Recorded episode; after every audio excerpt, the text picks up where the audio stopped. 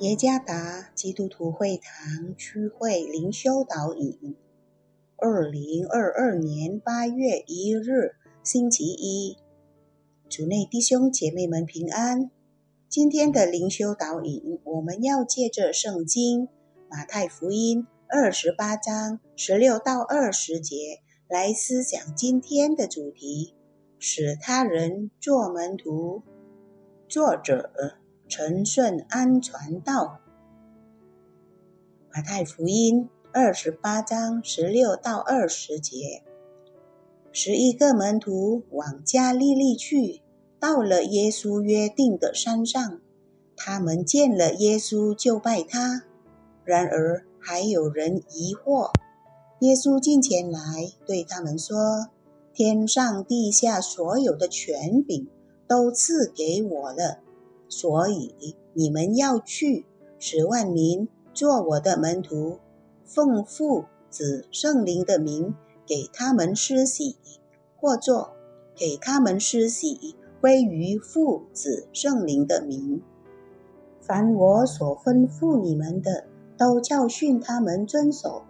我就常与你们同在，直到世界的末了。当我回到家。我遇见了我的侄儿 Darren，他要求我在他的学习室陪他做作业。我一直注意着他做功课。当我发现在他做的功课中有些不正确时，我就帮助和指导了他。我沉思片刻，是什么原因使我能够指导和教他正确的答案呢？那是因为之前曾做学生蒙老师的教导。主耶稣在世时，使徒们就一直在他身边，他们从他身上学到了很多。他们不只是跟随者而已，但也成为主耶稣的门徒。主耶稣是他们的主和老师。复活之后。和升天之前，耶稣近前来对他们说：“天上地下所有的权柄都赐给我了。”这是一句鼓励他们的话，尤其是对他们中一些以前有疑惑的人。主耶稣来就近他们，给他们使命，就是使他人做门徒。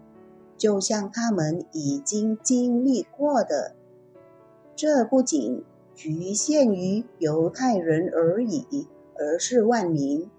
这一切门徒都能做，但不是靠自己的力量，而是有他的能力，常与他们同在。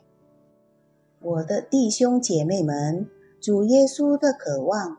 是不要我们只觉得成为他的门徒就够了，而是要我们必须使别人也做他的门徒，使他人做门徒的门徒，这就是他的心愿，而且不是单单指向使徒，但也指向我们每一个信徒的。